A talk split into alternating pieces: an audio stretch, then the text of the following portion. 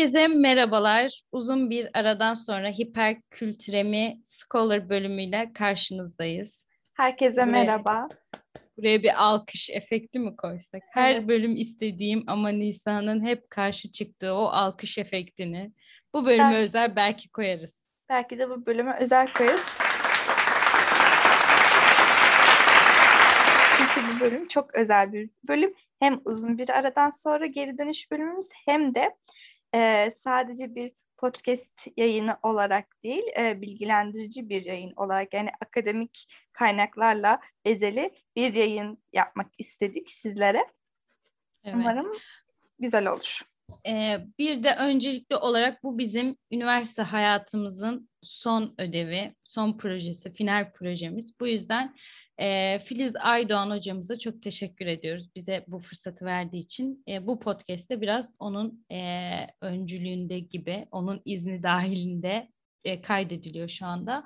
O yüzden hocamıza da çok teşekkür ederiz. Bu final projemizi podcast yayını olarak çünkü biliyorsunuz podcast bizim için çok önemli. Her ne kadar uzun bir süredir yapamıyorsak da e, gerçekten bizim hayatımızda önemli bir e, olay. O yüzden üniversite hayatımızda da final projemizi en son olarak podcast yayınıyla yapmaya karar verdik. Bu yüzden bölümün adı zaten Hiperkültürüm Scholar çünkü biraz akademik bir yayın olacak. Ee, biz her ne kadar akademik olabilir miyiz bilmiyorum ama çok akademik insanlar mıyız?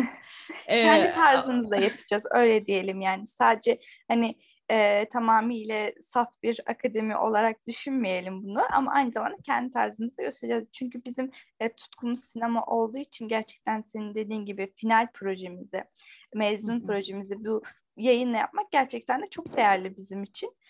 E, bunu imkan sağlayanlara da çok teşekkür ediyoruz. Ee, evet, önce buna da teşekkürlerimizi de yaptığımıza göre biz bugün hangi konuyu ele alacağız? Ee, konumuz sinemada güçlü kadın karakterlerinin ya da güçlü kadın imgesinin kullanmaya kullanılmaya başlanmasının örnekleri ve önemi.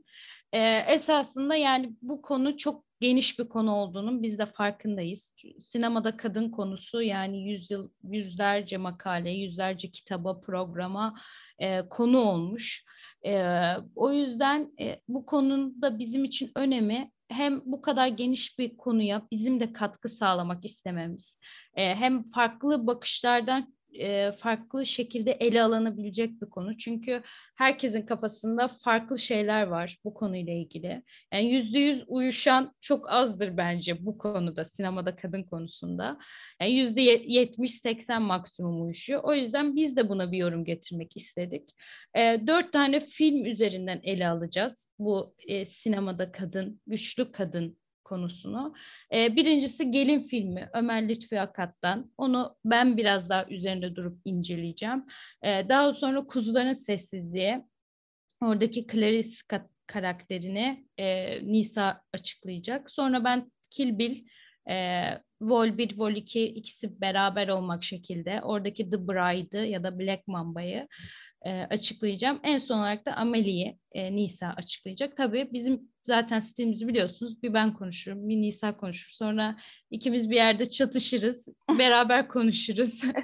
Sonra ses patlar, ona uğraşırız falan. Bu şekilde e, gideceğiz. İlk başlamak istediğimiz yer aslında bu sinemada kadın konusunun e, çok yani aslında toplumda kadın konusunun çok eski bir e, tartışma konusu oluşu. Yani hala da tartışmaya devam ediyor. Asla hala da tartışıyor. Yani. Bu bizim açımızdan aynı zamanda bu konuyu seçmemiz bizim için de değerli bir konu olması. Çünkü hani toplumda kadının yeri zaten e, kesin bir şekilde sinemaya da yansıyor. Yani sinema gerçekten büyük bir oranda toplumun bir yansıması olarak karşımıza çıkıyor bu yüzden sinemadaki de kadının yeri, imgelemesi, bunun dönüşümleri bizim için çok önemli. Hala da devam eden bir dönüşüm asla durmayacak bir şekilde. Çünkü dediğimiz gibi toplumsal olaylara çok fazla dayanıyor.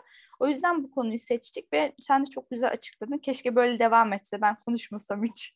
Ya estağfurullah. Şimdi Vallahi biz biraz güzel. hamladığımız için bir de ben bu girişe çalıştım. Çok güzel çalışmışsın. Aynen. O şey. E, çalıştığım için bu kadar başarılı olduğunu düşünüyorum yani. DJ Nur Sultan olmuşsun resmen. Aynen şu anda da kulağımda bir kulaklık var arkadaşlar. Gamer kulaklığı. O yüzden tam bir DJ modundayım. Gerçekten çok iyi. E, renkli menkli bir şey. RGB renkleriyle.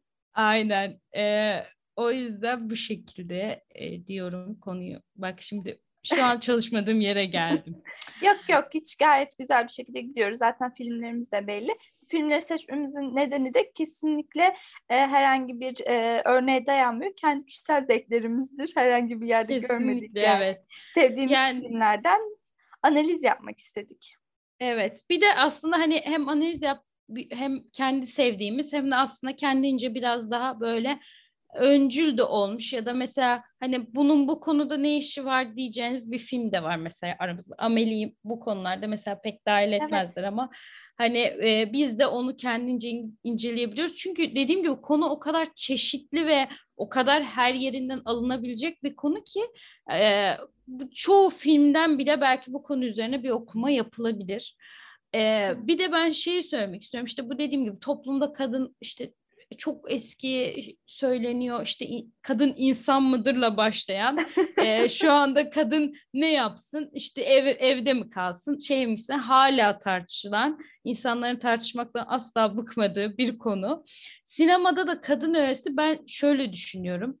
E, mesela erkek karakterleri genel ya çok eski filmlere de baksan, günümüzdeki filmlerine de baksan erkek karakterlerin çok büyük değişimleri söz konusu değil ya da erkek karakterler çok çeşitli erkek karakterler görebiliyoruz filmlerde. Her ne kadar o dönemin sosyopolitik işte ekonomik durumu ne olursa olsun. Mesela hani işte bu savaş döneminde evet ortaya çıkan savaş filmleri, artan savaş filmleri falan var.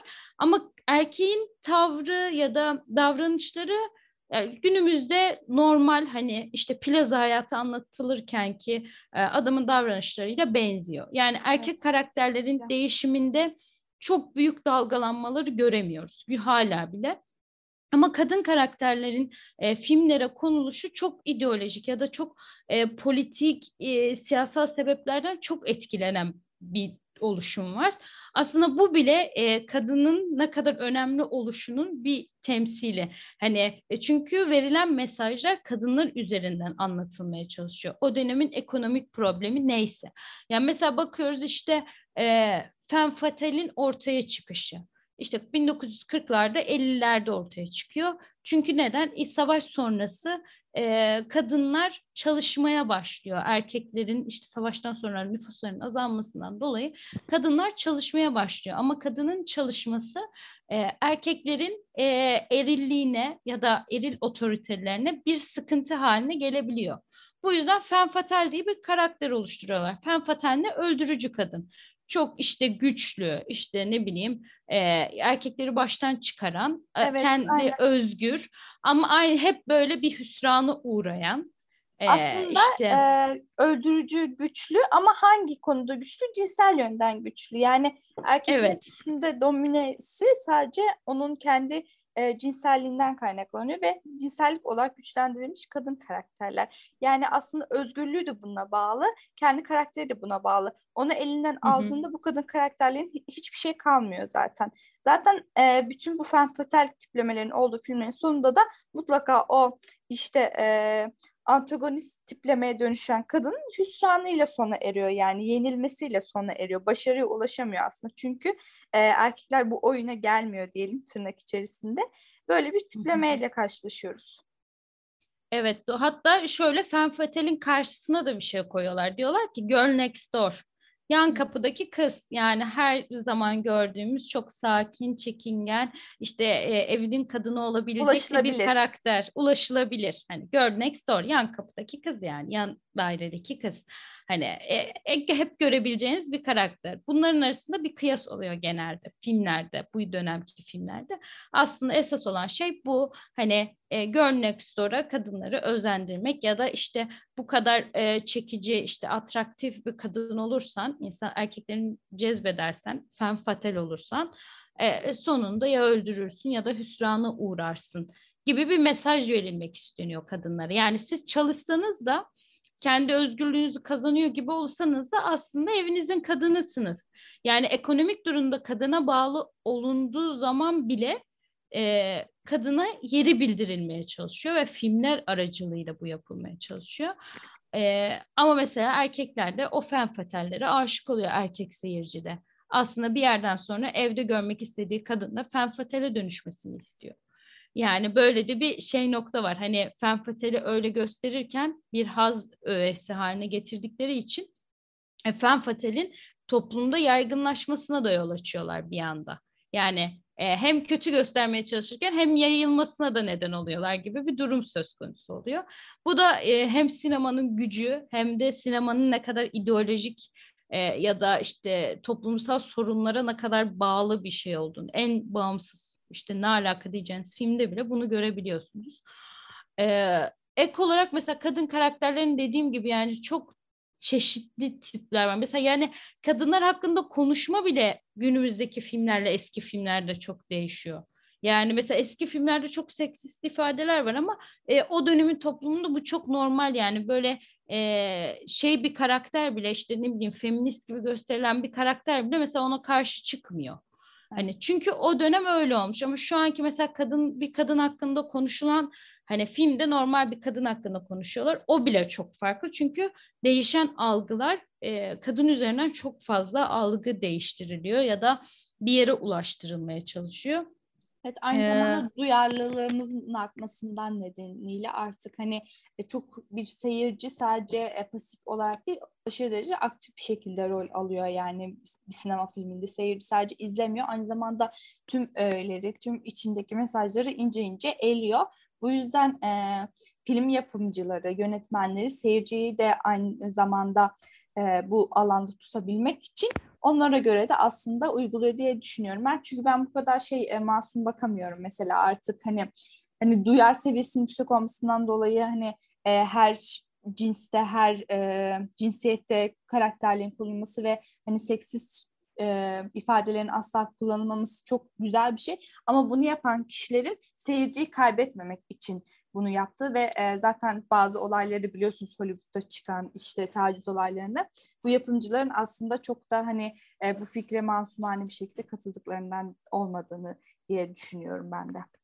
Evet kesinlikle aslında bizim zaten burada mesela güçlü kadın e, imgesi dediğimizde yani o da bizim için ayrı bir parantez. Çünkü hani e, neden kadın güçlü ya da güçsüz kadın olmuyor mu? Yani ya güçlü da, erkek yani, imgelemesi diye bir şey mesela yaygın değildir yok, yani görünmez yani, zaten erkek kesinlikle gücü zaten gösterir gibi bir algı oluştuğu için ama kadının e, başına böyle bir sıfat getirmek ve bu yüzden böyle bir araştırmaya yönelmek de aslında yine sıkıntılı bir durum.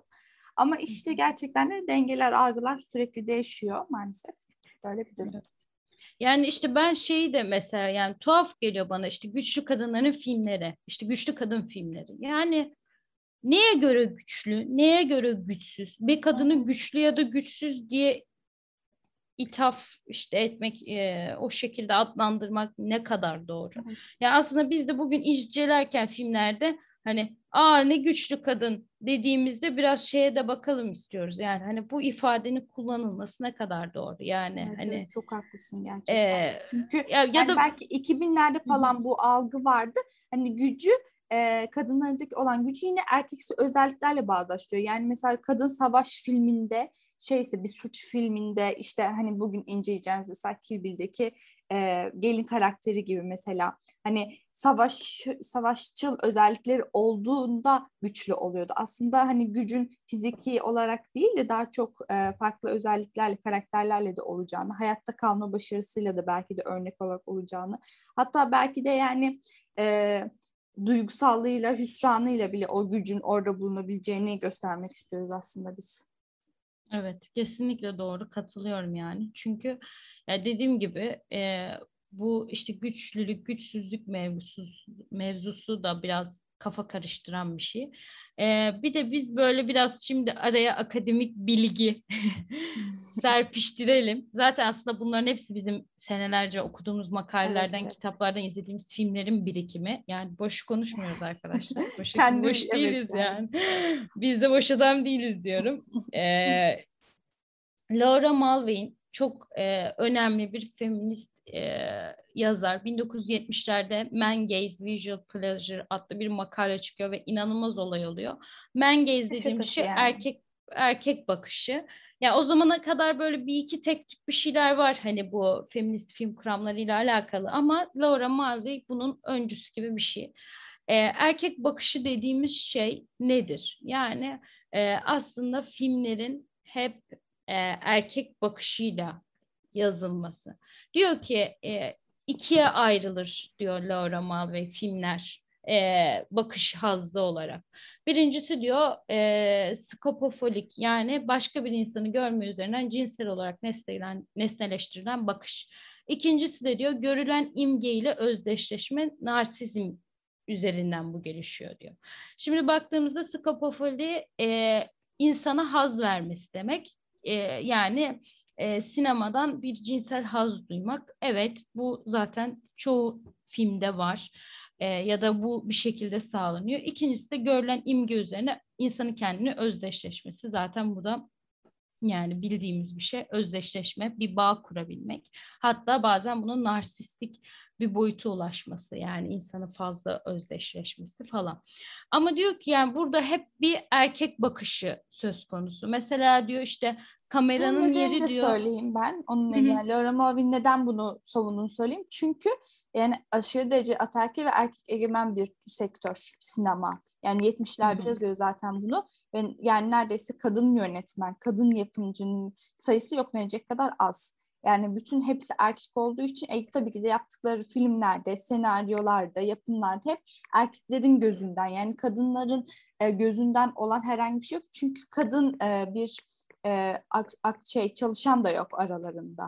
Bu yüzden zaten bunu savunuyor. Evet. Ya aslında bakıldığında hala bile kadın çalışan oranı bayağı az sinema sektöründe. Evet. Ama tabii biraz daha buna göre değişiyoruz yani. Bundan yola çıkarak e, Laura Marvey bir araştırma yapıyor ve gerçekten de şey yani e, mantıklı görüyor dinleyince. Yani diyor ki mesela sinemada üç bakış var diyor. Birincisi kameranın bakışı, ikincisi filmin içindeki karakterlerin birbirine bakışı, üçüncüsü de ilk iki bakışı taklit eden izleyicinin bakışı. Gerçekten öyle. Yani bu üçü de var. Ama baktığımızda mesela diyor kadın karakteri göreceksek diyor biz erkek karakterin gözünden görüyoruz. POV shot dediğimiz yani e, bak görüş kişinin gözünden gördüğümüz e, çekimle görüyoruz. Gerçekten öyle. O zamana kadar yapılan filmlerde kadın karakterini yakından görmemiz hep erkeğin gözüyle oluyor. Bu da seyirciyi erkek karakterin yerine koymayı sağlıyor. Çünkü POV shot dediğimiz şey zaten seyirciyi ana karakterin ya da işte o karakterin yerine geçmesidir seyircinin. E böyle bakınca evet burada bir erkek bakışı var. Yani erkek bakışıyla zaten ilk başta siz o filmi ne niyetle ya da o fikirde olur olun olmayın kamera sizi zaten o eril bakışın içine sokuyor. Yani bununla karşı karşıya geliyorsunuz. Sizin seyirci bakışınız buna yöneliyor. Onun Bundan ideolojileri, sonra da... onun algılarını aynı zamanda kullanmış oluyorsun evet. bu bakışla beraber. Aynen. İkincisini kesinlikle. söyleyecek misin peki? Şey olarak hani bir erkeklerin gözünden görmek var. Bir de erkeklerin e, kadınları hani e, nesne olarak görmesi, nesneleştirmesinden dolayı da bu erkek gözü yani. Orada hani filmdeki kadın karakterleri genelde işte sadece bir nesne yani belki de o senaryoyu dolduracak bir şey ya da görsel olarak hani görsel olarak erkekleri ya da seyirciyi sadece erkekler olarak kısıtlandırıyorum. Seyircinin çoğunluğunu görsel olarak doyumlayacak nesne olarak aslında görüyor. Farklı bir ona e, özellik atfetmiyor. Evet. Yani erkekli erkek karakterleri mesela aktif hale koyarken kadın karakterleri daha pasif bir e, pozisyona koyuyor. E, bu seyirci de aslında aktif hale geldiğinde otomatikmen bir erkek bakışı elde etmiş oluyor. E, onunla ilgili de mesela işte erkek karakterlerin aktif oluşu. E, kontrolü hep erkek karakterler sağlıyor. İşte e, ondan sonra filmin dünyası, filmde olan olayları erkek karakterlerden görüyoruz. Kadın karakterlerde mesela her ne kadar bu şeyde de öyle. E, mesela femme fatale diyorsunuz ama femme fatale'in de e, böyle aktif gibi gözükse de aslında pasif kaldığı yerler de çok oluyor. Çünkü çok ya da mesela hikayesi onun gözüne hiçbir şey olmuyor. İşte Gilda femme fatale'in en büyük örneklerinden biridir. Ama Gilda'nın yine film bile onun adına onun işte kapağı olan bir film olsa bile Gilda'nın bile çok pasif kaldığı yerler oluyor. Yani hiçbir şekilde yüzde yüz... geçen bir de geçiriyor yani kadına işte Kesinlikle bir şey yani. yani. Yani bir de şey yani işte kendini de çok koruyamıyordu aslında. Hiç hani o da seviyor mesela. İşte hani sevdiği için o da kötü duruma düşüyor ya da e, ne yapıyor? E, adamı kızdırmak için işte kıyafetlerini çıkarıyor, bir şov yapıyor falan hani insanlara. Yani e, o yüzden hani femme fatale işte çok aktifmiş gibi gözüken aslında o zamanın güçlü kadını gibi aslında şu zamandan baktığımızda aa ne kadar güçlü kadın diyebileceğimiz belki e, bir kadın e, yine yüzde yüz aktif olabilmesi çok zor. Yani yüzde elli maksimum filmin içinde aktif oluyor. Ama film hiçbir zaman onun gözünden olmadığı için yani ya da o merkez karakter olmadığı için, ana karakter olmadığı için her ne kadar ismi bile mesela Gilda, hani filmin ismi bile Gilda olmasına rağmen değil. Gilda merkez ya da olayları kontrol altında tutan bir karakter değil.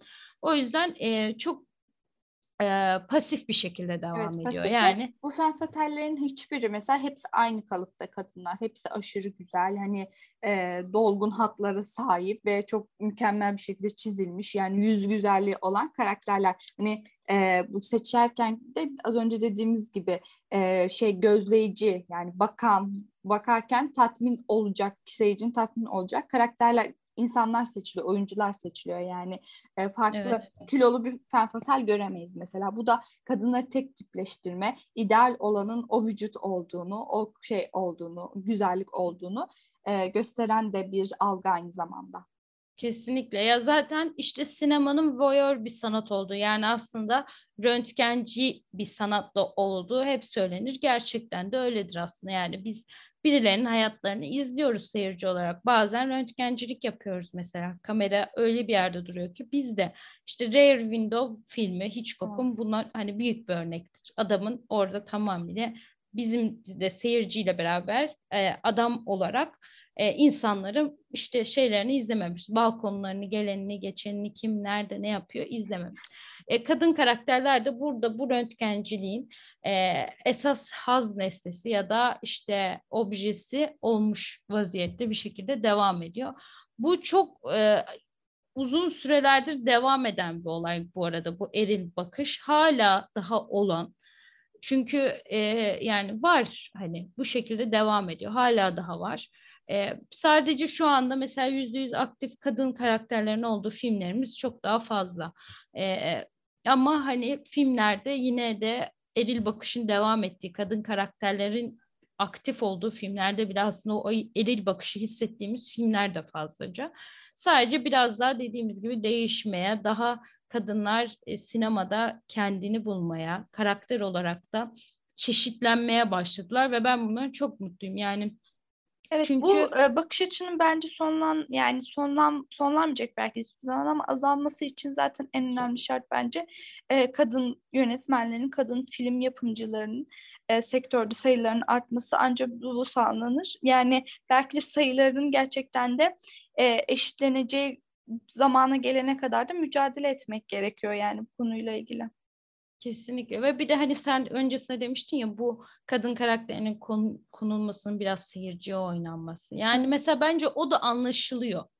Yani e, bazı yönetmenlerin ya da bazı filmlerde hani öyle bir kadın karakter çizilmiş ki yani gerçekçilikten uzak çok başarılı mesela. Hiç yılmıyor kadın. Hiç. Ben buna da karşıyım. Mesela filmde öyle bir kadın var ki asla düşmüyor Düştüyse öyle bir kalkıyor ki yani böyle sonuna kadar çok iyi. Süper devam ediyor. Evet işte ya mesela bence bu çok şeyinin ideasının zaten saçmalığı yani dediğimiz gibi. Hani kadınları bazen evet güçlü gösteriyorlar şeyde ama o da o kadar abartı oluyor ki zaten seyirci diyor ki böyle bir dünyada yok ki böyle bir şey diyor yani. Herhangi bir seyirci kadın karakter kendisiyle özleştiremiyor onu yani ben böyle değilim diyor ya da çevresinde hiç böyle birisini görmemiş zaten yani abartı derecede olduğu için şey oluyor ideal olarak öyle bir şey oluyor yani. Saçma bir durum yani mesela bö- böyle karakterlerin bir de yüzde sekseni yalnız oluyor. Ee, ya da işte aşk hayatında başarısız oluyor falan filan. Ya tabii ki bunun da sebepleri var. Bu ayrı bir konu ama hani e, ya da düşmüyor düşse kal yani bu çok çok tuhaf. Yani çünkü aynı zamanda şey diyorsun. Gerçekçi bir işte kadın karakter, güçlü işte sözlü güçlü bir kadın karakter koyayım derken o karakterleri bu sefer süper kahraman haline getiriyorsun. Yani bu karakter süper kahraman olduğunda e, ben onunla e, bir kadın seyirci olarak ya da bir erkek seyirci olarak da yani nasıl bir özdeşleşme kuracağım ki? Nasıl bir onun gözünden izleyeceğim ki ya da nasıl bir kadın bakışı olacak o Evet, filmde? kuramayacaksın çünkü Yine öyle biri yok. olmuyor yani. Yok yani o zaman süper kahraman dersin. Bu ya nasıl kadın ya işte çok azimli işte şey yapmış. Tabii ki var böyle insanlar ama bu insanların da yüzde 95'inin yüzde 99'un mental breakdownları olmuştur yani çöküşleri olmuştur. Aylarca İnsanız toplanamadıkları çünkü. olmuştur. İşte anne de olsa çalışan kadın da olsa işte ne olursa olsun yani insanın temel ihtiyacı olan Ki bu bir zayıflık da değil yani insanın gerçekten de insan yapan özelliklerden biri. Kesinlikle herkes ruhen yıkılabilir. Yani bu çok sevdiğim iki gün bir gece filminde bir söz. Herkes ruhen yıkılabilir. Yani bu dünyanın en normal olayı. Ki yıkılmalı da insan olduğunu hatırlamak için. Yoksa her şeyi başaran biri süper kahraman olur yani insan olmaz. Evet. Ee, diyorum ve yine konuyu dallandırdık. Evet konuyu dallandırdın gerçekten. Böyle bir Artık giriş yapalım. filmine geç. İşte. Filmlerden Evet. artık örneklere geçelim. Madem Artık bu kadar filmine biliyorsunuz geçelim. diyorlar şimdi. Hadi bakalım filmlerden örnek gösterin yani madem öyle. Kesinlikle.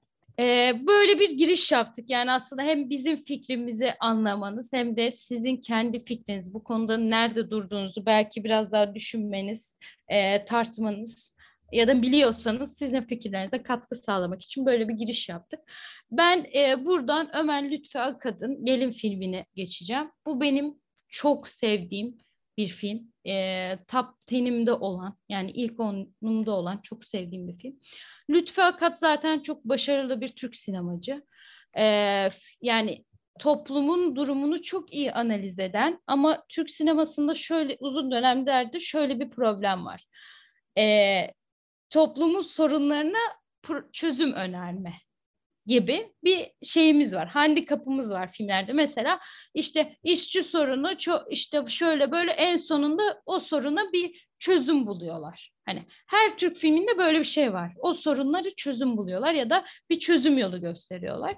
Lütfü Akat böyle yapmıyor. Sadece problemi gösteriyor. Bakın bizim toplumumuzda böyle bir olay yaşanıyor diyor. Böyle bir şey var diyor. O yüzden ben Lütfü Akat'ı çok seviyorum. Çünkü bazı çözümler o kadar e, hayal dışı ki yani mesela işte nedir Gurbet Kuşları filminde e, köyden geliyorlar Yozgat'tan mı Kayseri'den mi İstanbul'a geliyorlar e, yaşayamıyorlar işte kötü yolları düşüyorlar bir şeyler oluyor aile falan sonra okuyan doktor çocukla onun e, burjuva sevgilisi nişanlısı da e, orada okuyup iş, e, okullarını bitirip köyü köye yolluyorlar ailelerini en sonunda. Onlar da o burjuva kız da doktor okumuş doktor da köye gidip e, bizim memleketi kurtarmamız lazım şeklinde köye gidiyorlar. İşte orayı kurtaracaklarmış. Güzel, pratik şeyde teoride güzel bir çözüm önerisi Evet. ama pratikte hiçbir karşılığı olmayan bir öneri bence. O yüzden ya böyle böyle öneriler sunan filmler var hep. İşte sosyalist bakış açısıyla bakan e, Karanlıkta Uyananlar filmi var. Çok güzel bir film ama şey yani e, protestolar işte devrimde şey yap işte böyle bütün emekçiler birleşiyor protesto, protesto yapıyor ve uluslararası bir şirketi karşılarına alıyorlar ve kazanıyorlar. Yani Görmediğimiz bir- bir... şeyler olduğu için belki de inanamıyoruz. Görmedik yani biz böyle bir şey görmedik aynen yani yok konuşulacağını. E, o dönemde yani zaten ulusalda büyük sıkıntılar varken uluslararası bir şirkete, uluslararası işte şeylere kafa tutmak yani zor. Bunun gibi şeyler. Geçiyorum. Lütfü Akat ise asla böyle bir şeye girmiyor. Diyor ki sorun bu. Gelin filminde olayımız ne? Yozgat'tan göç eden bir aile var. Göç sorununu işliyor. Zaten göç üçlemesi. Gelin düğün diyet. Gelin ilk film 73'te yapılıyor. E, Yozgat'tan geliyorlar İstanbul'a. E, işte erkekler çalışacak. Kadınlar evde kalacak. Hatta böyle işte iki oğlan var. E, iki gelin var. E, bir de şey var işte babaanne dede diyeyim. Hani e, büyükler var. Ba- e, kaynana gelinlerine diyor ki bu bahçe Yozgat. Bu bahçenin dışı İstanbul. Yani dışarı çıkamazsınız. Siz hala Yozgat'tasınız diyor. Yani orada bile İstanbul'a Yozgat'a siz hala Yozgat'tasınız dışarı çıkamazsınız. Ne oluyor? Çocuğu hastalanıyor. Gelinin Hülya Koçyiğit'in oynadığı karakterin yani küçük oğlanın eşi oluyor galiba evet. Ee, çocuğu hastalanıyor. Çocuğu okuyup üflüyorlar. E, böyle de iyileşmiyor. Çocuk galiba verem falan oluyor. Yani kötü bir hastalık. Sonra işte fabrikada çalışan komşuları onu doktora götürmeyi tavsiye ediyorlar. Kadın tek başına götürüyor işte kocası kızıyor, dede kızıyor falan. Hani kadın başına iş yapıyorsun bilmem ne. Ondan sonra spoiler alert geliyor. e, çocuğu ölüyor kadının ve çocuk için sürekli babasından yani o e, kayınbabasından para istiyor. Diyor ki hani gelin bu çocuğu ameliyat ettirelim. Ee, işte kocasının da sesi çıkmıyor. Adam da diyor ki ya işte şu işler bir düzelsin. Bakkal bir bakkal açıyorlar, iki marketi açıyorlar falan. Böyle çok büyüyorlar. Aslında para kazanıyorlar. Ama asla o parayı e, torununa vermiyor. Çünkü inanmıyor da hani torunun hasta okuyun üfreyin geçer falan modunda. Ama bu arada adam kendine de eczaneden ilaç almayı falan ihmal etmiyor kendi için. ayakları için. Güzel Çocuğunu kaybediyor. E, çocuğunu kaybeden gelin de evden ayrılıp bir fabrikada işe başlıyor. En sonunda kocası da yanına geliyor ve böyle bitiyor film. Şimdi baktığımızda buradaki ka- ka- karakter üzerine mesela burada e, bu filmde e, gelinin şeyi e, aktifliği çok fazla ve hatta kadın karakterlerin bu filmde aktifliği çok fazla. Erkek karakterler çok pasif.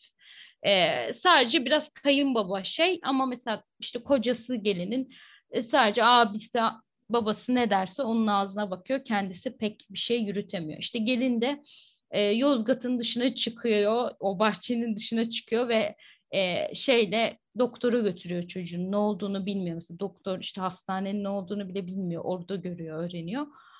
Çocuğunu götürüyor, getiriyor, işte yardımcı oluyor falan. Ve hani e, er, kadın karakter burada bakıldığında işte sürekli kullanacağımız güçlü bir kadın. Ama ne oluyor burada? Çocuğunu kaybediyor kadın. Çünkü ne yaparsa yapsın o e, parası yok ve e, bir şekilde muhtaç yani kocasının şeyine. Çünkü kocam olmadan nasıl götüreceğim gibi de düşünüyor. Yani bilmediği bir yere. Ama kocası yardım etmeyince kendi götürüyor. Ama para yok. Yani mesela altınları vardı kadının. Onu oğlunu ameliyat ettirmek için kullanacaktı. Ama şey e, işte işler batınca kadının altınlarını aldılar yani bir şekilde bir psikolojik baskı kurarak hani herkes verdi o da verdi. O yüzden bütün parası gitti. Ne oldu? Çocuğunu kaybetti. Yani şimdi mesela bu kadın aa işte parası olmadı çok güçsüz. Hani diyemeyiz. Öyle bir şey yok. Hani işte bağımlıydı kocasına o yüzden güçsüzdü. Yani bağımlı bağımlı da değil bağlılık bağımlılık var. Yani e, maddi yönden eşine bağlı. Yani bu da aslında bir yerde hani evliliğin e, hani ona bağ, bağımlı hissediyorsan zaten hani evliliğin sıkıntılarından biridir. Ama ona mesela maddi olarak ondan para alabilirsin. Bu da normal bir şeydir. Ki o dönem bu çok normal bir şey. Zaten çok köyden gelen dönem. bir aile. Aynen öyle yani dönem hani, olarak bakmalıyız, dönemsel olarak bakmalıyız böyle şeylere. Kadın maddi olarak o zaman kimin varmış ki zaten maddi olarak özgürlüğün olmaması neden demek e, güçsüz demek değil. Farklı alanlarda güçsüz kadın bir e, aile içinde kendi başına direnebilmesi bile aslında onu çok fazla güçlü. Çünkü yani sınırları o kadar çok düşük ki bu düşük sınırlar hı hı. içerisinde bir direniş yapabilmek yani herkesin harcı değil zaten. Bu da çok büyük bir güç örneğidir. Kesinlikle yani kadın hiç bilmediği bir yerde çocuğun doktoru götürüyor, şey yapıyor, geliyor. Sonra fabrikada işe başlıyor olmayınca mesela hani e, burada aslında benim en çok değinmek istediğim şey şimdi bu kadının yeri tartışılıyor ya o dönemde. Türkiye'de de bu tartışılan bir şey. Zaten genel dünya çapında hani coğrafi farklılıklar gösterilse de Avrupa'da da Amerika'da da e, bu bu yönden ele alınıyor. Yani kadının çalışma hayatına giriş girişi ve evden ayrılmış, ayrılması, o domestik alandan ayrılması. E, baktığınızda bu filmde şunu görüyorsunuz. E, kadını evin dışına iten, çalışma hayatına iten aslında o erkekler ve o eski işte o feodal ya da işte o geleneksel yapının e, çocuğuna zarar vermesi. Yani bu kadınlar evden e, aa biz kente geldik diye çıkmadılar. Ya da bu kadınlar çalışma hayatına işte biz İstanbul'da iş çok işte savaş biz de çalışalım diye çık gitmediler yani toplum onları çalışma hayatına itti.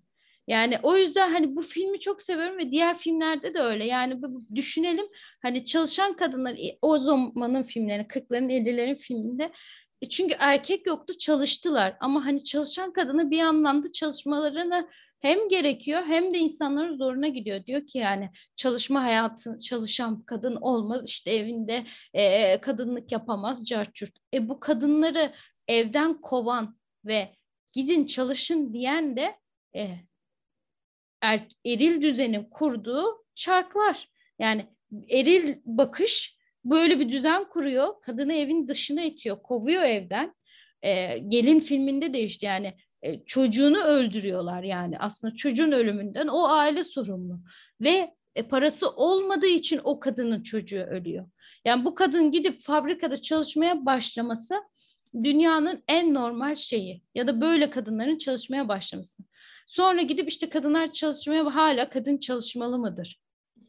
İşte kadın çalışsın mı? Evde mi kalsın? Ya isteyen istediğini yapsın kardeşim. Çalışana da bir şey demeyin.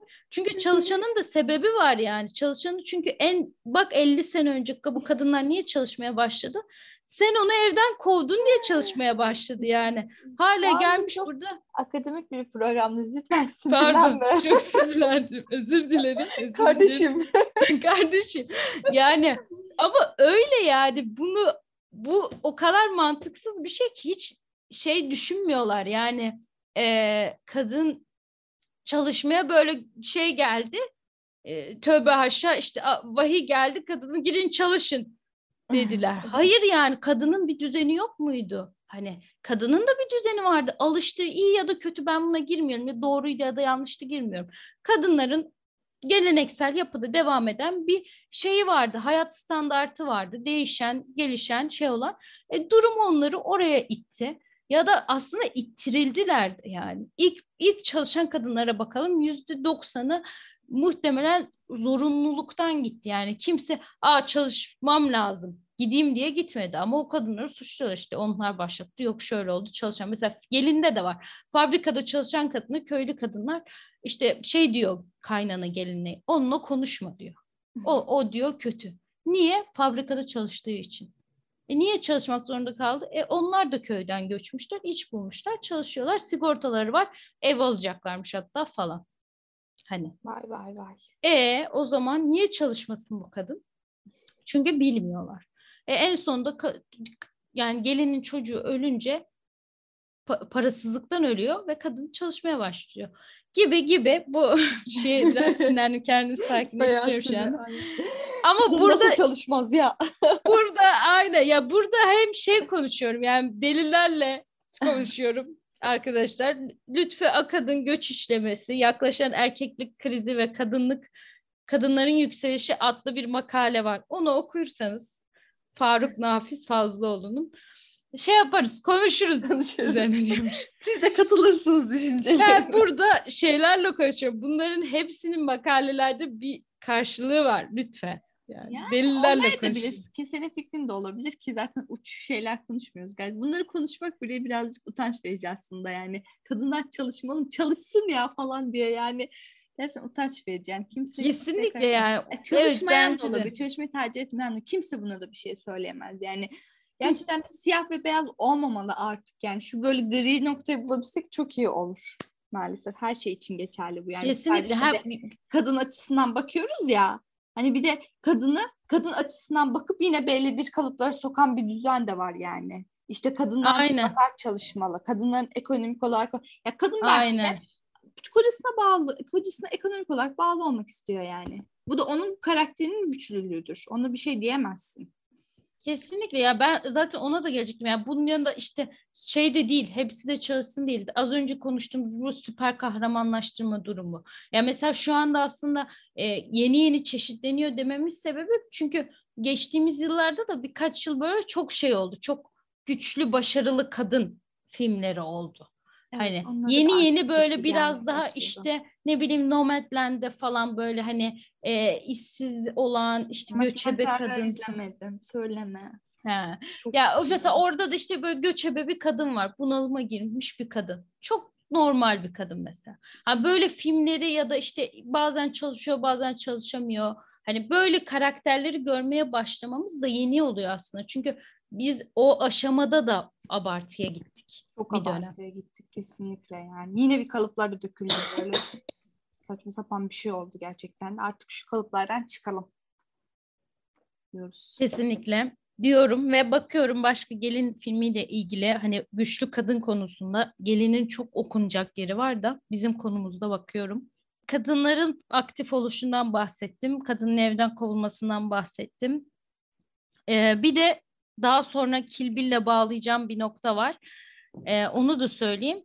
Çocuğu için kadının kabuğunu kırması. Yani çocuğu öldükten sonra Burada e, Kilbil'le de bağlayacağım için gelinde de bunu aklınızda tutun istiyorum. Yani bu çocuğundan dolayı aslında annelik özelliklerinden dolayı e, kadının kabuğunu kırıp işe geçmesi. Yani çocuğunun etkin olması da önemli bir faktör. Bunu sonra bağlayacağım diyorum ve topu Nisa'ya atıyorum.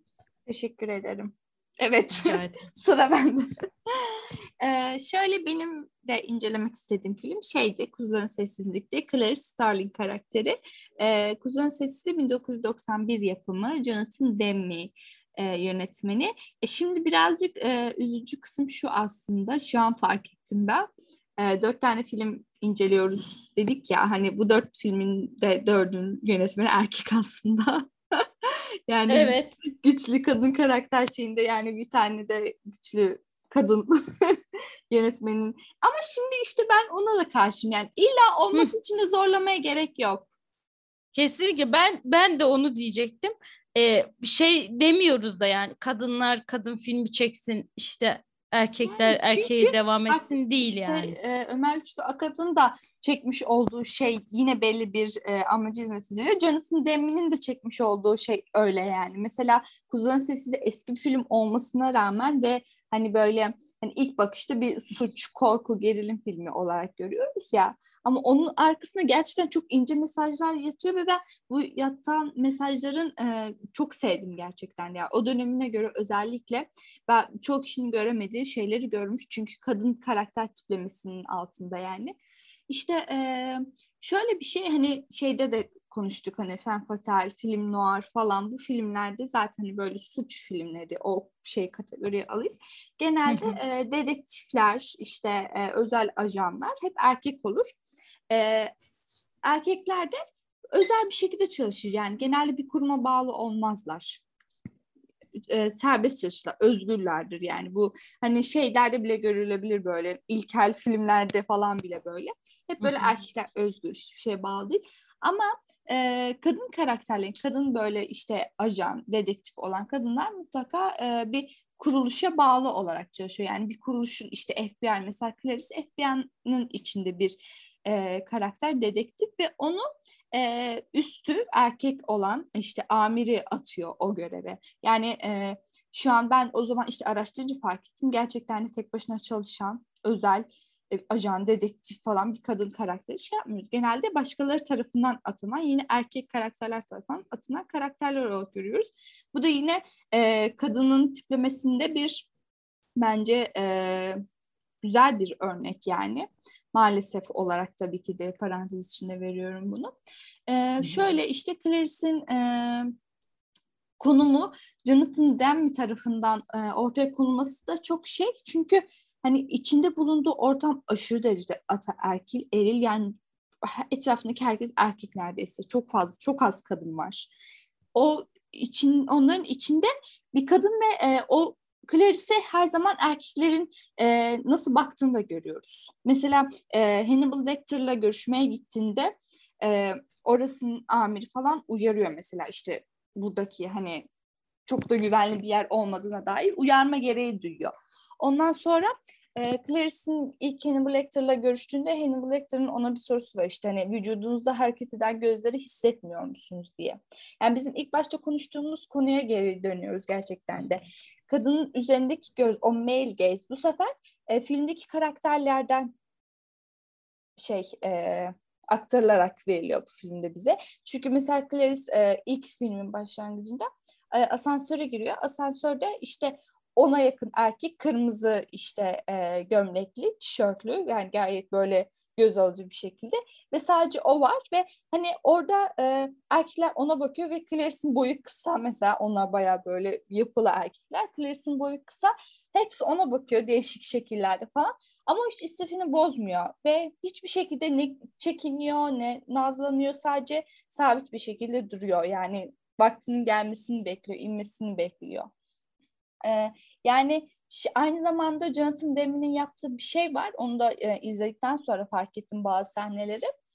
E, mesela Clarice bir yerden geçti diyelim. O geçtikten sonra hani erkekler de yanındaki erkekler de kalıyor kamera. Yani biz ondan sonra erkek gözüne sahip oluyoruz ve erkek gözüne o male gaze'le yine Clarice'i görüyoruz. Yani Jonathan hmm. Gerçekten de bir suç filmin içinde bu male gaze olayını çok güzel bir şekilde işlemiş bence. Kadın karakterinin işte konumlandırması, nesnelleştirilmesi konusunu. Aynı zamanda hani e, belli kalıplara dair bakarsak bayağı güçlü bir karakter. Çünkü e, fiziksel olarak gücü olmasa da zeka zeka olarak çok fazla gücü var ki Hannibal Lecter'la konuşmaya gidiyor. Yani o dönemin ünlü yamyamlarından biri olarak herkesin harcı değil ve e, belki de yani Hannibal Lecter'de karşısındakini e, ciddiye alıyor. Öyle de bir şey var. Çünkü gerçekten de zeki bir karakter ve hani e, gördüğünden fazlasını görebilen birisi ama aynı zamanda işte az önce de konuştuğumuz hani full çok güçlü, çok mükemmel, hiçbir hatası yok falan filan öyle bir karakter de değil. İşte e, Hannibal Lecter'ın yanından döndüğün dönerken diğer hastalar işte tutuklu hastalardan böyle üstüne bir şeyler atıyorlar. Hani onun şokuyla böyle arabaya biniyor ve arabada düşüyor mesela. Yani çok insani ve çok normal. Bunu kim yaşarsa yaşasın bu şey olur. Yani hiçbir kadın böyle bunu yaşadıktan sonra bana hiçbir şey olmaz yapamaz yani. Onu da çok güzel göstermiş. Evet. Gerçekten insani bir şekilde kadın karakteri. Mesela günümüzde olması. olsaydı o işte kadın dururdu bir laf söylerdi falan. Aynen Herkes ya da saldırırdı. Kalırdı. Böyle. Wow falan derdin. Ya tabii ki bu olabilir bu arada. Aa böyle bir şey yapılmaz demiyorum evet. ama yani olması mesela... gereken bu da zaten. Yani keşke herkes yapabilse ama yani gerçekten çoğunluğu da yapamıyor. Öyle bir şeylere tepki gösteremiyor ve kendi başına düşüyor. Yani bu da bir olan durum gerçekten de. O yüzden bunun da e, işlenmesi çok e, hoşuma gidiyor benim kuzuların sessizliğinde. Doğru. Sen ne diyorsun bu film hakkında? Ya aslında aklıma ne geldi biliyor musun? Kuzuların sessizliğinde tabii sen şu an benim yani böyle aklıma gelmeyen şeyleri de bayağı söyledin. Ya, harbiden doğru mesela o kameranın e, erkek bakışıyla Clarice'i gösterme olayı falan e, gerçekten doğru. O çıktıktan sonra kameranın orada kalması. Bir de şey geldi aklıma. E, böyle bir karakter var ve filmin şey olduğunu okumuştum işte aslında Clarice üzerine kurulu bir film. Kuzuların evet, Sessizliği. Evet. Ama Hannibal Lecter yani Anthony Hopkins o kadar seviliyor ki sonra Anthony Hopkins üzerine bir film oluyor. Yani o dönemde aslında bunun ne kadar farklı kaldığını buradan bile anlayabiliriz. Yani Clarice üzerine bir filmken Anthony Hopkins tabii ki oyunculuğu her şey yani o yüzden çok bayılınıyor. Ama aslında Clarice'in oyunculuğu da Jodie Foster'dı değil mi? Evet. Ee, onun oyunculuğu da muhteşem. O da çok güzel bir karakter. Ama orada yine insanlar seyirci e, erkek karakteri daha çok beğendiği için mesela ikinci filmde Hannibal Lecter'ı bu sefer ön plana çıkarıyorlar. Evet ki yani... ikinci filmde Judy Foster oynamıyor. Hannibal Lecter, Anthony Hopkins oynamaya devam ediyor. Ee, karakter Hı-hı. değişiyor mesela ki ilk filmdeki Anthony Hopkins'in oynadığı e, süre sayısı da 16 dakika. Çok az bir süre yani. Aslında evet. çoğunluğunda Clarice var. Evet ama ona rağmen e, planlanan da oymuş aslında işte 2-3 film Clarice'in hikayesi olacakmış. E, ama e, o 16 dakikada Anthony Hopkins hem onun başarısı hem de bir yandan e, erkek gözünün başarısıyla ikinci filmde başrole taşımış Anthony Hopkins'i, Hannibal Lecter'i. Bu da yani filmin o dönemki farklılığı aslında. Yani o dönemki insanların ne kadar e, o konudan ya da o bakıştan e, ya da aktif bir kadın karakter görmekten uzak oluşuyla da alakalı aslında Kesinlikle, yani. Evet. E, Ama şekilde. işte şey e, şöyle bir eleştirim var açıkçası. Şimdi e, Clarice karakteri de bunu mesela ben şeyle e, bir tane makale var işte Picturing the Female Lead diye. Oradan mesela işte e, anlamlandırdım gerçekten de. Hani Clarice e, bir dedektif tamam e, erkeklerin olduğu bir yerde işini görüyor, çalışıyor. Ama Clarice'in e, bu sefer de şey yani çok teknik ve çok hani m, kadınsal hiçbir özelliği yok Clarice'e atfedilen. Yani hani nasıl söylesem bunu çok fazla da böyle uç noktalara gitmeden anlatmak istiyorum ama mesela biz nasıl e, Gilda'da böyle hani mükemmel bir kadın karakter işte böyle vücudunu gösterebilecek şekilde diyoruz ya. Burada da tamam Clarice çok güçlü ama Clarice'in e, güçlü yönleri de erkeksi olması aslında. Çok erkeksi evet. bir karakter. Evet. Ben ben giyimi, de aslında giyimi şey çok erkeksi yani. Hani ben bazen şey e, makyajı önem veren bir dedektif karakter de görmek istiyorum mesela. Evet. Ya ben de mesela e, bunu ben de düşündüm. Hatta geçen gün e, Dangal filmi var işte Hint filmi. Onun hakkında konuşuyorduk. Orada bir arkadaşıma söyledim. Yani e, güçlü kadın filmleri derken de kadınlıktan ya da şimdi e, tabii ki rol işte bu bizim kadın bakışımızla da alakalı hani cinsiyet rolleriyle alakalı falan denilebilir ama e, bir şekilde e, kadınsal özellikler var. Evet. Kadınların taşıdığı e, ya da bu fıtratta olan işte ne derseniz biyolojik gelen, kültürel gelen bir şekilde var yani. E, erkeklerin de bazı özellikleri var. E, bunlar olabilir, olmayabilir. Bu ayrı bir konu. E, ama mesela onların genel hatlarıyla işte erkeklerin davranış biçimlerini kadınlara uyarlamak da bence çok normal bir durum değil yani. Evet. Ee, mesela bu tabii ki mesela Kuzuların Sesi'nde Clarice'in bu böyle bir karakter de o zamana kadar hani böyle nadir görülen bağımsız filmlerde var ama hani Hollywood ana akımda görülen bir tipleme değil Clarice.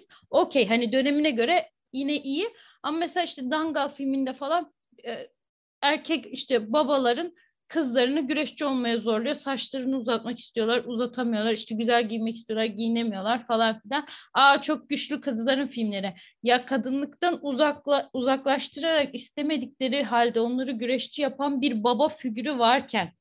evet. Yani bu filme nasıl çıkıp bir kadın filmi ya da aa ne güzel işte babaları da kızları ne güzel yetiştirmiş ya amenna tamam çok güzel sonu falan da hani diyemeyiz yani. Diyemeyiz Sonuçta yani, mesela evet. kadın kadınlık özelliklerini taşımak ya da işte kadınsı davranmak, davranmamak e, bizim tercihimizde olmalı.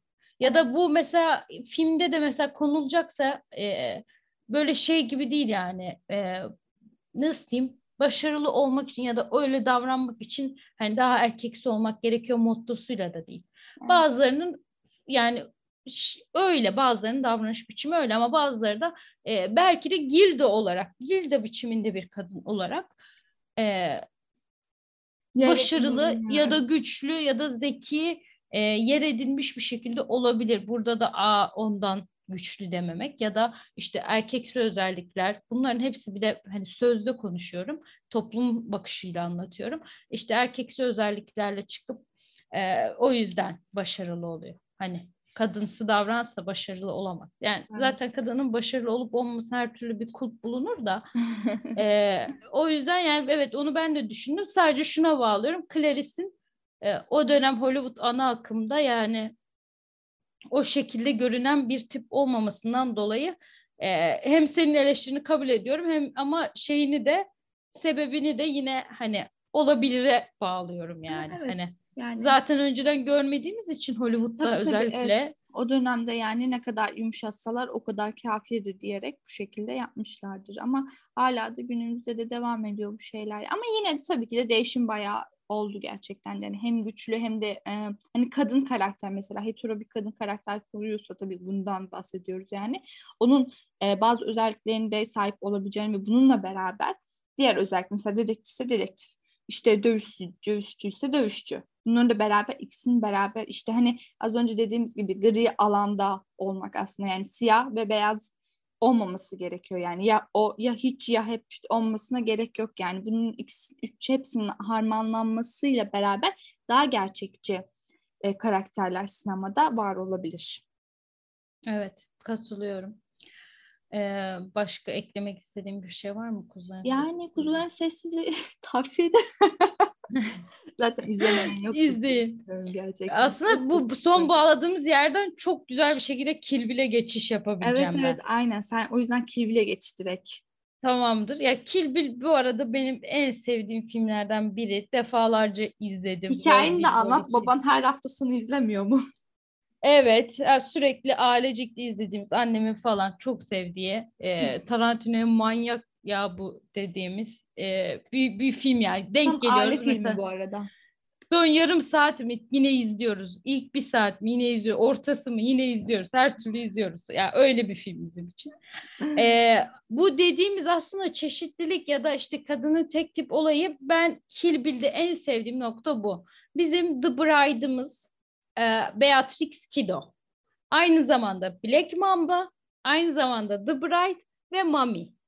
Dört farklı rolde görüyoruz biz Beatrix'i.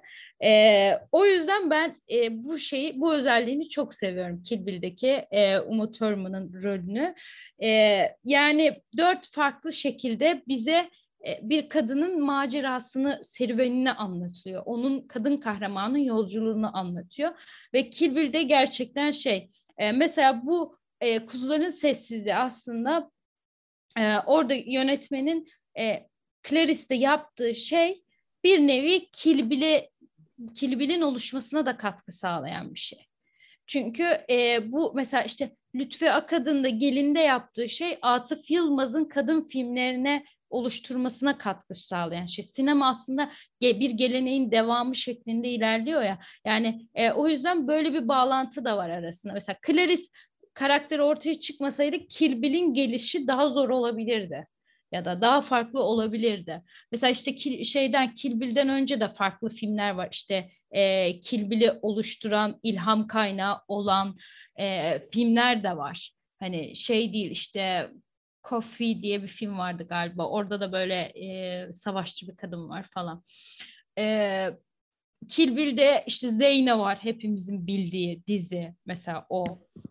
O galiba aynı dönemlere denk geliyor ya da birkaç sene öncesi de Kill Bill'in. Ee, bu şekilde mesela Kill Bill'le ilgili işte dediğim gibi öncesinde bir yani aksiyon filmleri mesela Kuzuların Sessizliği gibi bir korku suç korku filmi. Orada bir kadın karakter var. Aksiyon filminde de yüzde yüz aktif bir kadın karakterin oluşu da yani çok nadir. Kill Bill'den önce var, örnekleri var ama çok nadir. Çünkü mesela Beatrix yüzde yüz aktif bu filmde kadın karakter olarak ve 2003-2004 yıllarında. Hem başrol yani. hem ikonik hem de şeydeki Anthony Hopkins'in hatırlanması gibi değil yani.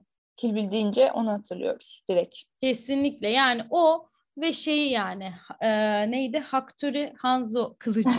yani böyle direkt resim olarak göze gelen, ikonikleşen biri ve e, hiçbir şekilde şey de değil, böyle bir cinsel obje şeklinde de değil.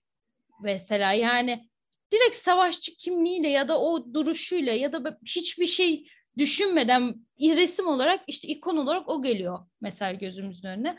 O yüzden önemli bir karakter. Film de önemli bir film. Ee, Tarantino'nun da en başarılı filmlerinden biri olduğunu düşünüyorum. Benim de en sevdiğim filmidir. Ee, baktığımızda dediğim gibi örnekleri var ama işte Kill Bill çok kapsamlı ve iki film yani yaklaşık beş buçuk saat e, onun serüvenini anlatıyor. Ne oldu işte gitgelleri var, kronolojik sırayla ilerlemiyor, flashbacklere dönüyor, olayları var. E, hikayesini anlatacak olursam e, Beatrix bir ölüm suikast grubunun bir üyesi, bir savaşçı. Daha sonra e, bir çocuğu oluyor ve çocuğu için bu şeyden çıkıp e, sakin bir hayat yaşamaya çalışıyor. Ama buna izin verilmiyor. Ondan sonra işte bir saldırı oluyor. Komada kalıyor dört yıl boyunca. Uyanınca çocuğunun e, öldüğünü zannediyor. ya da işte kayıp olduğunu mu zannediyor? İlk öldü sanıyor sonra kayıp olduğunu öğreniyor falan aslında yaşadığını. E, ve bundan bunu yapanlardan intikam almak istiyor. Filmin çok fazla türü var. İşte revenge var, e, action var, e, böyle bir sürü bir sürü savaşçılık var aslında. İşte kung fu, samuray filmlerine de benziyor. E, bu yüzden de e, yani bu açıdan da bir ilk ve e, bu gelinde demiştim ya hani e, çocuğu yüzünden kadın evden çıkıyordu ve kabuğunu kırıyordu. Aslında burada da kadını savaşçı yapan şey yine kadının annelik içgüdüsü. Yani çocuğunu kaybetmiş olması. Ya öyle, işte öyle. düşünmesi. Ama şöyle bir de bir durum yok mu? E, zaten daha önce e, katıldığı grupta da hani zaten savaşçıydı. Suikastlara falan gidiyorlardı. Hani orada da zaten öyleydi.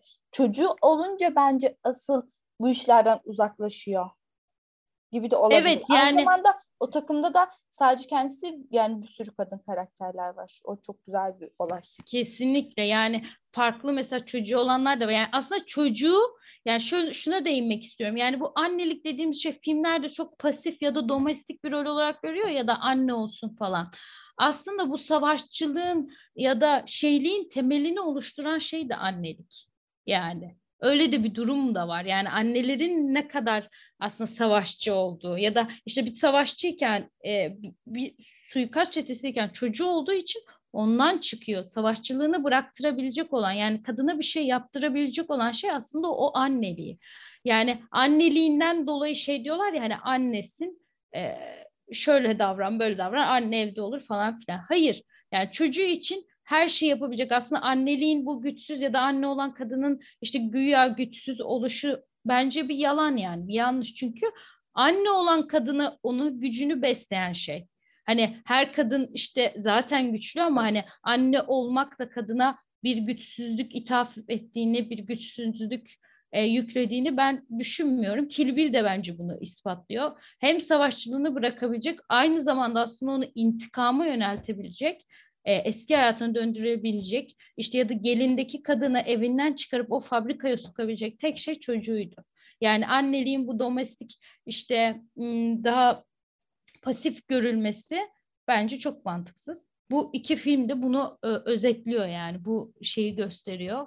Hani anne olmaya da bilir kadın bu şekilde davranmak için. Ama anne olunca da çünkü şey var ya bu güçlü kadın imgelerinde e, anne değiller ya da bekarlar ya da yalnızlar. Bekar ve aynen işte yalnız yaşayan, yalnız çalışan bekar insan, kadınlar. Evet. evet.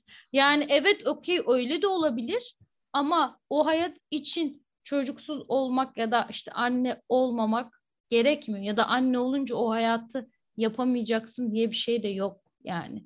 O yüzden Kill Bill bunu işte mesela bir tane birini öldürmeye gidiyor. Tam savaşı ortak ber, berbat halde yine kadın o şeyden association'dan işte ne deniyor onun adını unuttum da e, o derneklerin vakıflarından aynen e, kadını öldürmeye gidiyor çocuğu geliyor mesela. İkisi de bıçaklarını saklıyorlar ve normal muhabbet etmeye başlıyorlar. Hani e, sonra işte e, kadın hani çocuğu olan kadın hamle yapınca Beatrix'i öldürüyor aslında ona şey demiş. Seni asla çocuğun gözünün önünde öldürmem ama öyle hamle yapınca öldürüyor. Sonra çocuklar özür dileyerek çıkıyor. Yani mesela bu da çok ilginç bir sahne. Hani e, böyle ortalık kan revan her yer bitmiş ve şey çocuk gelince bıçakları saklamaları. Hani yine bir şekilde çocuktan o dünyayı kaçırmaya çalışmaları aslında. Bu da değişik bir olaydı bence. Gülüyorum ben o sahneyi izlediğimde. Hem üzülüyorum hem gülüyorum. Kill Bill'de ee, benim sevdiğim şey bir de şu. Hani e, kadın karakter ve çocuğu var anne ama bu e, işte şeyin Bride'ın asla bir erkeğe bağlı değil varoluş. Yani e, çocuk sahibi olmak, evlenmek falan hepsi kendi tercihi. Mesela işte evlenmiş olduğu çocuk sahibi olduğu kişide arasında çok fazla duygusal bir şey yok yani çok umrunda değil. Sadece hani böyle o hayata geçiş yapmak için belki de kullandığı birisi olarak ki o şey e, baskın olduktan sonra e, eşiyle ilgili hiçbir bilgi bilmiyoruz yani. Çok ilgilenmiyordu onu. Sadece orada çocuğuyla ilgileniyor yani. Çok bağımsız bir karakter o yüzden. Bunu çok seviyorum evet, ben. Evet kesinlikle. Varlığı yani. bir erkeğe bağlı değil asla. ve şey yani hani e, o Bill'in işte öldürmeye gidecek falan hani öncesinde bir şey var yani umurunda da değil yani hani Bill'e ne oldu ne bitti hani benim Evet, çocuğumu evet. öldürdünüz Aynen yani yani. Hani şey değil ve e, bir de bu hani haz öğesi olma işte cinsel haz öğesi olma aslına baktığında Uma Thurman hani işte güzel şey bir kadın. Bayağı güzel. Ama mesela filmde böyle e, işte çok işte fit bir vücudu var ince evet ama bir röntgenci bir şekilde biz onu görmüyoruz yani. Bizim tabii. seyirci olarak bakışımız onun üzerinde bir e, fetiş öğesi şeklinde değil. Aksine öğe haline gelen şey onun kılıcı. Hattori Hanzo kılıcı. Onun keskinliği. Mesela o kılıçtan gözlerini görüyoruz falan. Hani o kılıcı taşıyışı her daim. O Uma Thurman'dan işte Beatrix'ten daha büyük bir fetiş öğesi olmuş mesela. Evet. Yani bu da zaten bu da değişik bir şey. Çok kötü hallere de düşüyor. İşte mezarın altında kalıyor falan böyle insanın görmek istemediği hallere de düşüyor yani izlemek Kesinlikle. istemediği yani bayağı çirkin hallere de düşüyor. O yüzden hiç böyle hani bu sıra filmler var ya işte süper kahraman filmleri falan böyle hani savaş alsa bile mükemmel bir şekilde alıyor o yeri. Çok hala çok güzel gözüküyor. Şurada bir tane Evet. falan olur yanağında falan. İşte öyle değil Aynen. mesela bayağı böyle çirkin hallere düşüyor yani çok kolay bir şekilde. Bayağı berbat. Kan revan içinde kalıyor. Ben hep şey derim Tarantino filmi izlediğimde böyle ekranın içine girip orayı yıkamak istiyorum. Yani o kadar kan oluyor ki şöyle bir sudan geçirsem diyorum yani. Berbat bir hale giriyor. Bu açıdan da evet yani e, süper kahraman ya da böyle e, bu erkek karakterlerde de var bu arada. Yani böyle aksiyon filmlerinde karakterler işte bu Jason Statham'lar falan. Ya asla onları şey görmüyorsun böyle. Çirkin çirkin, Evet. ya da ay ne olmuş? görmüyorsun. Adam yüzü gözü yamuluyor güya. Yine çok yakışıklı. Ya da kadın yine çok güzel. Yani, yani çok mantıksız. Çok mu hani böyle ekstrem bir süper kahraman değilse ne bileyim bir Superman Wonder Woman falan değilse yani normal bir kahramansı çok tuhaf geliyor yani bana. Ama mesela bir kadın karakterde hadi mesela erkekte belki çıkar. Hem kadın karakter koyuyorsun hem onu bir e, cinsel bir obje olarak koymuyorsun. E, fetiş durumuna sokmuyorsun. Üzerine çirkin gösteriyorsun. Ha bir de bunu anne yapıyorsun. Çocuğu için bunu yapıyor ve film boyunca onu işte güya güçsüz ya da zayıf gördüğümüz tek an kızını gördüğü an ağladığı tek yerde o. Yani filmin sonunda da. Ki o da zayıflık Evet. göstergesi değil zaten. Değil. O da değil yani. Hani o kadar uğraşıyor şey yapıyor. Bittiğini de görüyoruz mesela. Tükendiğini de görüyoruz kadının. Şey değil bu arada. Hepsinde süper değil yani.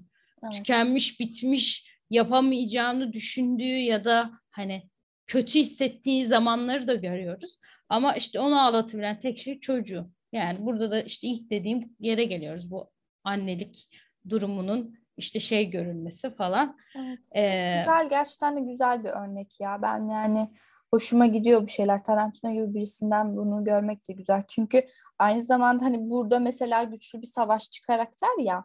Hani yine bir erkeksi özel falan.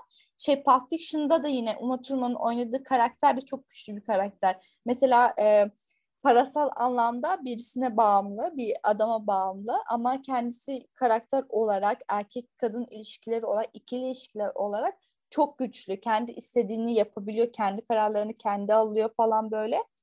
O yüzden Tarantino'nun bu e, kadın imgelemesi çok başarılı bence. Yani belli bir kalıpları sokmuyor. Farklı alanlarda kadınların da güçlü olabildiğini gösterebiliyor. Evet, evet ben de gerçekten seviyorum yani. Ya da e, erkek karakterlerinde kadın karakterlerin şeyleri eşit.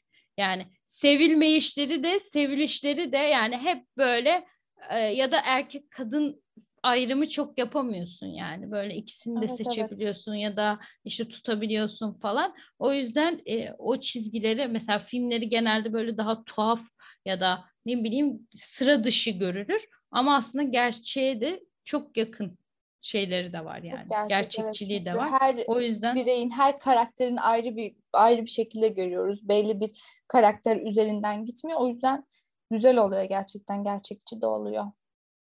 kesinlikle öyle diyorum ve ben topu sana atıyorum. Ameli ve son filmimizi. Ameli ilk başta söylediğini tekrarlıyorum. Gerçekten ben çoğu kişinin aklına gelmez. Güçlü kadın karakterler, sinemada güçlü kadın karakterler listesi yapsak Ameli'yi gerçekten hiç yapmaz ki e, akademik anlamda da çok fazla kaynak bulamadım ben. Daha önceki hmm. araştırdığımız kaynaklardan kendi analizimizi yapabileceğimizi düşünüyorum ki Amelie'de e, şöyle bir film hani işte şu tatlı, güzel, romantik filmler kategorisinde yine aynı zamanda tatlı, güzel, iyilik meleği bir karakter yani.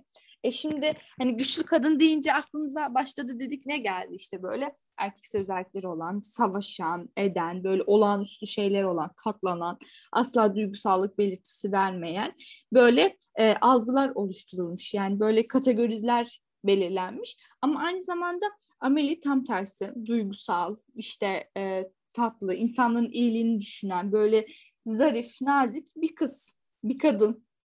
Ama Hı-hı. aynı zamanda da işte hani bu özelliklerin içinde de güç barındırdığını gösteriyor aslında Amelie. Çünkü e, Amelie karakteri kendi yaşamını, kendi hayatını e, yaşayacağı şey ve aşık olacak kişi kendisi seçiyor. Aşık olacak kişiyle evet. beraber bir ilişki kurmasını da kendisi yapıyor yani. Kendi çabasıyla oluyor bu. O pasif bir halde değil, aşırı derecede aktif bir halde kendi ayakları üzerinde duran, çalışan birisi. Aynı zamanda e, biraz e, kadın egemen bir aileden geliyor. Çünkü hani flashbackleri gördüğümüzde aile yaşamında hani annesi daha baskın, domine bir karakter evde. Babasını bağırıyor, çağırıyor falan böyle. Hani o şekilde bir ailede büyümüş. Ama Amelie öyle bir karakter değil mesela. Hani nasıl desem böyle çirkef, şey özellikleri yok böyle katı özellikleri yok. Çok evet. na- naif birisi. O yüzden e, bu işte yani bu romantik komedi filmlerinde kadın karakterler incelemesine baktığımda e, bir tane terim var. E, bir film eleştirmeni Nathan Robin adında bir film eleştirmeni şöyle bir terim atıyor. Manic Pixie Dream Girl. Yani bunlar e, tuhaf dream girl'ler yani hayal hayal erkeklerin hayalindeki kadın yani tuhaf olur böyle hmm. işte e, hüzünlü olurlar, saçma alışkanlıkları falan olurlar ama çok iyilerdir ve hani erkeklerin etrafında dolaşıp onların hayatlarını güzelleştirirler. Gerçekten de düşündüğümüzde romantik filmleri hep o tarz tiplemeler görüyoruz yani. Bir an daha erkek yani erkeklerin çevresinde, erkek merkeziyle hareket eder bunlar aslında kendilerini düşünmez de. İşte o yüzden Amelie bundan çok daha farklı. Amelie erkekler için değil ya da bir erkek merkezinde olan birisi değil. Yani onun hayatına birisi gelip e, onun tuhaf davranışlarından hoşlanıp hayatı bir anda güzelleşmiyor. Amelie bir erkeğin hayatına giriyor. Kendi isteğiyle, evet. kendi çabasıyla bularak ve gerçekten öyle kararlı bir karakter ki o tipik karakterinden çıkıyor ve e, her şeyi kendi yaptığı gibi işte e, o adamın da e, hayatına girmesini sağlıyor. Onun kendi kendi yanına gelmesini sağlıyor ve ilişkiye girebilmesini sağlıyor. Onunla bir ilişki içerisinde olabilmeyi sağlıyor yani. O yüzden bu e, diğer tipik romantik e, karakterlerden bayağı farklı. Daha gerçekçi bana kalırsa gerçekten de hani o e, hani tuhaf çok şey tuhaf alışkanlıkları olan birisi işte şahsına münasır bir kadın gerçekten de geliyor ama e, bunu başkası gözüyle bakmıyoruz. Biz hep ameli gözüyle bakıyoruz. Ameli gaze'den bakıyoruz. Bir kadın gözüyle bakıyoruz yani. O, o da çok güzel bence. Erkek gözüyle olan bir şey yok burada hiç. Ameli'nin evet. ilişki yaşadığı erkek de sonradan dahil oluyor filmimize yani. Hepsine evet. onun gözüyle bakıyoruz. Ameli bir de çok merkezde. Yani olayları kontrol eden kişi Ameli. Evet, evet. Yani o adama ulaşan da Ameli, o tesadüf ağını kuran da Ameli. Yani e, o işte nesi güçlü ya diyeceğimiz kadın aslında bütün olaylarını etrafındaki bütün olaylarını yönetiyor ve insanların ona tavrı ne olursa olsun mesela o çok ilgili çok tatlı işte hani ona kötü davranıyorlar ama yine bıkmıyor yani ki hatta bir noktada üzülüyor hani. Mesela o da var. Bu kız böyle çok evet. e, hayalci de değil işte şey oluyor bu son sahnelerde bir komşusunun ona dediği bir şey var. Yarınla ilgili bir söz söylüyor. Şimdi hatırlayamadım. Hı hı, evet. Hani o da bugün değil diyor falan böyle. Hani artık o kadar iyiliğe Çünkü üzülüyordu. komşusunun e, o hoşlandığı kişiyle onunla beraber olduğunu falan zannediyor o yüzden. Üzülüyor evet. ve odasına çekilebiliyor. Kabuğuna çekilebiliyor gerçekten de yani. Bunda bir beis görmüyor. Evet. Ve hani sonra işte bir şeyleri topluyor, ediyor falan ama yani hepsini kendi yapıyor. Her şeyi kendi yapıyor yani. Olayları kontrol eden kişi ve yüzde yüz aktif olan kişi Ameli yani. O sevdiği çocuk da onun e, şeylerine uyuyor yani. Onun bıraktığı yemleri takip ediyor yani. evet Öyle evet aynen aynen öyle. Hem şey kontrol eden hani bu fem fatal özellikleri var. İşte güçlü her şeyi kontrol eden kendi karar veren. Aynı zamanda fem fatallik o kötü özellik hani ahlaki boyut olmayan iyi tatlı insanlara yardım eden mükemmel bir insan olarak gözüküyor yani. Yani Ameli burada kendi personasını yaratıyor aslında başkalarından e, özümsenmeyecek bir karakter yaratıyor. Bu yüzden e, çok önemli bence. Yani çok fazla işte güçlü kadın karakterler arasında olmasa da içine bakıldığında e, bunu görebilmek bence bayağı güzel bir durum. Bu da bence bizim e, güzel bir şekilde araştırma yaptığımızı gösteriyor evet, yani. bence de. Ya bir de Amelie ile ilgili şey e, yani nasıl desem bu iyilik yaparak da mutlu olabilir bu kadınlar. Yani bu kadınların evet. mutlu olması için birilerini ezmeye, birilerini öldürmeye ya da e, ne bileyim evet, kötü bir şeyler yapmalarına gerek yok ya. İyiliğin böyle. içinden de koşabilirler yani. Aynen. Ve bu gerçek dışı bir şey değil bence. Güçlü hani... kadın deyince böyle mesela güçlü e, patronlar oluyor ya kadın patronlar böyle herkese res çekiyor. Ona buna kızıyor, şey yapıyor falan. Bunlar da çok Aynen. karşılaşıyoruz yani. Böyle olmasına gerek yok. İyi bir insan, Kesinlikle. nazik bir insan da güçlü olabilir. Bu onu pasif kılmıyor. Kesinlikle, kesinlikle katılıyorum. O zaman programımızın sonuna mı geldik? Evet, programımızın sonuna geldik. Yani Geldik söylenecek çoğu şeyi söyledik diye Kesinlikle. düşünüyorum. Söylenecek çok şey de var ama e, bence güzel bir özet oldu örneklerimizle beraber. E, umarız herkesin bazı kalıplaşmış fikirlerini de böyle sorgulatabilmemiz güzel olur gerçekten de. Aynen. Çünkü sinema çok değerli bir alan ve içimizde ve her zaman içimizde kalacak bence. Her zaman e, bazı şeyleri etkileyecek, etkilenecek. O yüzden sinemaya dair seyircilerin bakış açısının da e, biraz değişmesi gerekiyor, sorgulaması gerekiyor. Yani pasif bir izleyici olmaktan çıkmamız gerekiyor. Kesinlikle. Ve zaten sinema bizi o aktifliğe itiyor yani. Hani seyirci olarak e, aktif hale gelmemiz için de uğraşıyor. Ve e, zaten çok büyük bir sanat alanı. Yani e, birçok şeyin anlatıldığı, birçok detayın bulunduğu, sizin üzerine düşündüğünüz, düşünemeyeceğiniz, aklınızın ucundan bile geçmeyen şeyleri görebileceğiniz, farklı hayatları, farklı tarzları, farklı şekilleri görebileceğiniz e, bir alan sinemada bizim aşkımız. aşkımız. o yüzden bu sinemaya metiyeler üzerine evet, duygulandım ya. Valla ben de. Ee, o zaman e, tekrardan Filiz Aydoğan hocamıza teşekkür ediyoruz. Evet teşekkür ederiz ee, bize bu imkanı verdiği için, bu tutkumuzlu konuşabilmemiz için yani çok güzel oldu bence. Çok teşekkür ederiz ona da. Evet. Ee, bizi dinleyenlere de çok teşekkür ediyoruz. Ee, inşallah hala bir dinleyici kitlemiz vardır. ee, bir iki kişiyle buradan tanıştım ve çok memnun oldum. Yüz, yani bizi dinleyen birkaç kişiyle tanıştık. Bazıları bize Instagram'dan yazıyor. Oradan tanışıyoruz. Yüz yüze tanıştık falan. Ee, gerçekten bizi mutlu ediyor. Biraz evet. iş durumlarımızdan ötürü, ötürü bu podcast'te ara vermek durumunda kaldık. Ama belki bir gün bir şekilde tekrardan Çünkü Nursultan kızıyor çalışmayınca kadınların o yüzden mecbur çalışıyoruz biz de. mecbur çalışıyoruz aynen. Çalış mecbur. kardeşim falan diyor o yüzden yani mecburen öyle. evet doğru. Şimdi çok iyi oldu yalnız şu an çalışma muhabbetinde. Kapıma sıktım. Ee, bu şekilde herkese çok teşekkür edebiliriz edebiliriz, ediyoruz. ediyoruz. Bize her şekilde ulaşabilirsiniz. Dediğimiz gibi Leatherbox adreslerimiz hala duruyor. Instagram'dan, Twitter'dan, oradan Evet, buradan. aynı zamanda Spotify, iTunes'ta da yayındayız. YouTube'da da yayındayız. Üç kanalda da, platformda da. İstediğiniz her yerden bizi dinleyebilirsiniz. Evet. Teşekkür ediyoruz. Teşekkürler. Ve... Hoşçakalın.